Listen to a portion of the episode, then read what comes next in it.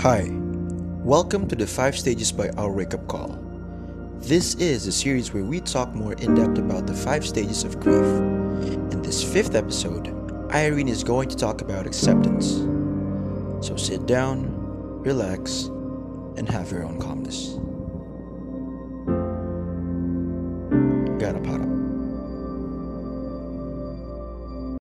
Have you ever wondered what letting go feels like?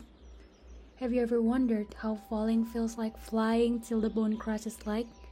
Cause guess in the end, we're gonna end up to a place where it is less heavy, more quiet, lonelier, but better. And I'll tell you what, you've quite made it out there. Hai, nama gue Airin. Sebelum gue lanjutin, mungkin gue mau nanya dulu kabar kalian. How are you guys? Really? If you're having a bad day atau lagi sibuk, mungkin boleh dikip dulu podcastnya dengerin nanti sebelum mau tidur. Karena hari ini gue pengen cerita hal yang mungkin kalian bisa relate mungkin enggak. Tapi ini merupakan episode final dari our wake up calls 5 stages of grief. Di 5 stages of grief I'll make a little representation on what it's like to be in the acceptance state yaitu tahap penerimaan. Mungkin after setelah lu mourn atau grieve yourself to sleep for days, weeks, or even years. Dan karena gue aware juga ini lagi masa-masa pandemi, it's been tough for everyone.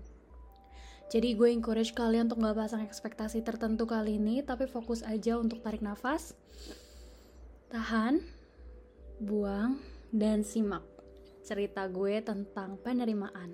And I hope you enjoy this episode. Setahu gue, kesedihan tuh bisa datang dari mana aja dan dari siapa aja dan also gimana aja. Dan gue yakin sebenarnya bukan kita gitu yang punya kontrol untuk decide mau berapa lama ya gue sedih atau mau berapa lama ya gue seneng switch off and on ah emosi gue gitu. Kayak nggak bisa, kita nggak punya kontrol terhadap hal tersebut. Mungkin sedikit konteks dan latar belakang dari cerita gue kali ini gue pernah kehilangan sosok yang gue sayang banget yaitu kakek gue. Dan dulu tuh posisinya gue masih kecil gitu.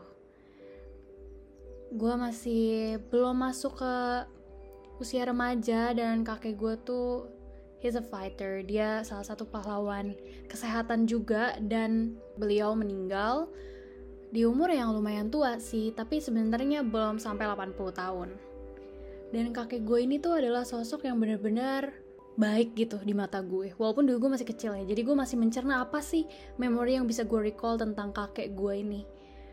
Tapi gue inget banget dulu tuh kakek gue tuh ninggalin value-value ke gue yang sebenarnya gue nggak dapetin dari tempat lain dan tanpa sadar pas gue udah gede mungkin sekarang gue 19 tahun pas gue bikin podcast ini gue tuh inget gitu hal-hal yang kakek gue lakuin ini dan kadang-kadang gue nangis karena udah gak ada kakek lagi. Well, I'm more inclined to say gue orangnya lumayan emosional sih, rather than logical in most things, especially when it comes to relationships and love. Gue juga inget gimana sih dulu ketika ada kakek dan sekarang pas kakek gak ada. Bahkan dulu gue pernah mikir, emangnya apa sih perbedaannya kalau ada atau gak ada kakek pas kakek gue ada di ICU? Ya gue sayang sama kakek gue tapi mungkin dulu gue masih kecil untuk terlalu bisa menerka kalau misalkan gak ada kakek tuh rasanya bakal kayak apa gitu ya.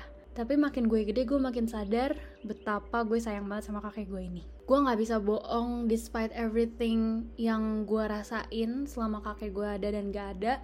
Sebenarnya pertumbuhan itu tetap ada sih. Dan juga kebahagiaan yang gue dapat dari kasih sayang orang lain kayak orang tua gue keluarga gue dan temen gue itu tetap ada gitu tetap ada di sekitar gue. Tapi gue juga punya kesimpulan yang lumayan unpleasant by ear sih. So I guess you have to stay tuned till the very end to find out. Untuk gue bisa akhirnya at least merasakan lebih lega. Nggak terlalu nyesek, nggak gitu sering breakdown terhadap suatu permasalahan tuh dalam artian gue bakal function well sayangnya orang yang not currently facing a problem that is severe enough to stop you from being the most you took me quite some time sih. Apalagi gue inget bahwa gue ditinggal kakek gue itu pas gue masih kecil ya kesedihan yang gue rasain aja tuh bisa kayak gitu. Apalagi kalau misalkan gue ditinggalin sama seseorang yang bener-bener signifikan di hidup gue secara sekarang gue udah gede gitu. Dan gue tuh mikir kayak apakah gue pernah menerima kepergian kakek gue apa sih yang sebenarnya orang bilang tentang ikhlas? Kepergiannya seseorang lah dari hidup lu mau perginya secara ya udah udah nggak ada lagi raganya. Atau ya udah dia emang ninggalin kita aja gitu. Gue lumayan bingung gitu sebenarnya kata-kata ikhlas dan menerima tuh apa bedanya? Dan apakah ada perbedaan sebenarnya di antara kedua hal tersebut Sometimes it still hurts karena gue tahu di perjalanan dalam menerima perubahan yang substansial hidup gue itu setelah seseorang yang signifikan vanish itu tergantung gue tapi bukan tentang sekuat apa gue karena menurut gue perjalanan orang braving over something itu nggak ditentuin sama setahan banting apa sih lo. Tapi sebenarnya serelevan apa sih hal yang bikin lo sakit gitu. Karena tabah semua orang might own it. Tapi the burn ya they burn. Menerima kepergian rasa sakit and things untold nggak gampang buat siapa pun. Dan juga sebenarnya nggak bisa dihapus bersih karena ketika lo tahu lo baik-baik aja gitu lo ingat dan ada poin di mana lo stop dan ngerasain hal yang mirip sama apa yang terjadi pas lo ditinggalin orang tersebut. Karena menurut gue cuma dengan yakin dan mau nahan diri untuk sadar kalau life goes on with or without your consent gitu ya itu udah ngindikasin kalau lo nerima perubahan tersebut. Dengan lo bangun pagi dan mungkin walaupun kadang-kadang kita keinget tapi di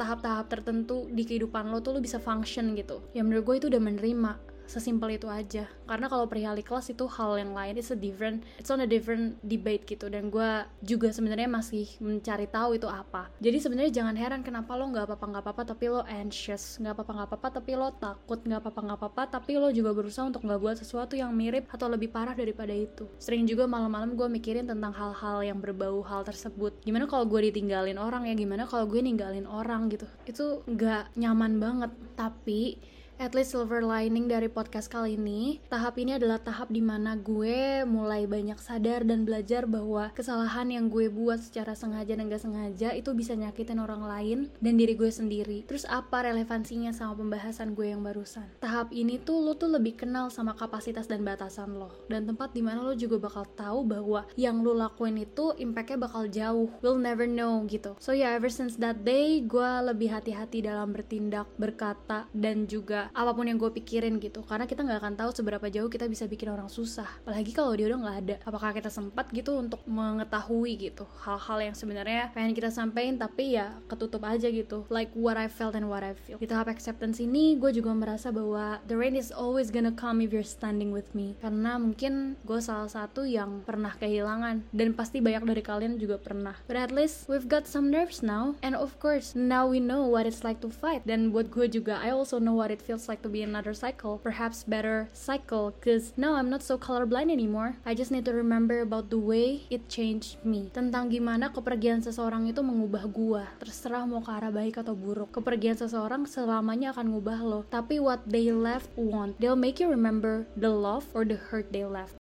Gue Airin, I hope you learn something. Mungkin satu pesan dari gue, ketika orang tersebut udah gak ada, try to remember value baik yang coba mereka tinggalin. Dan kalaupun misalnya ya orang tersebut kebetulan bukanlah contoh yang paling baik buat lo kira-kira hal apa sih yang mereka lakuin sampai bisa bikin lo tambah kuat atau sekuat ini gitu?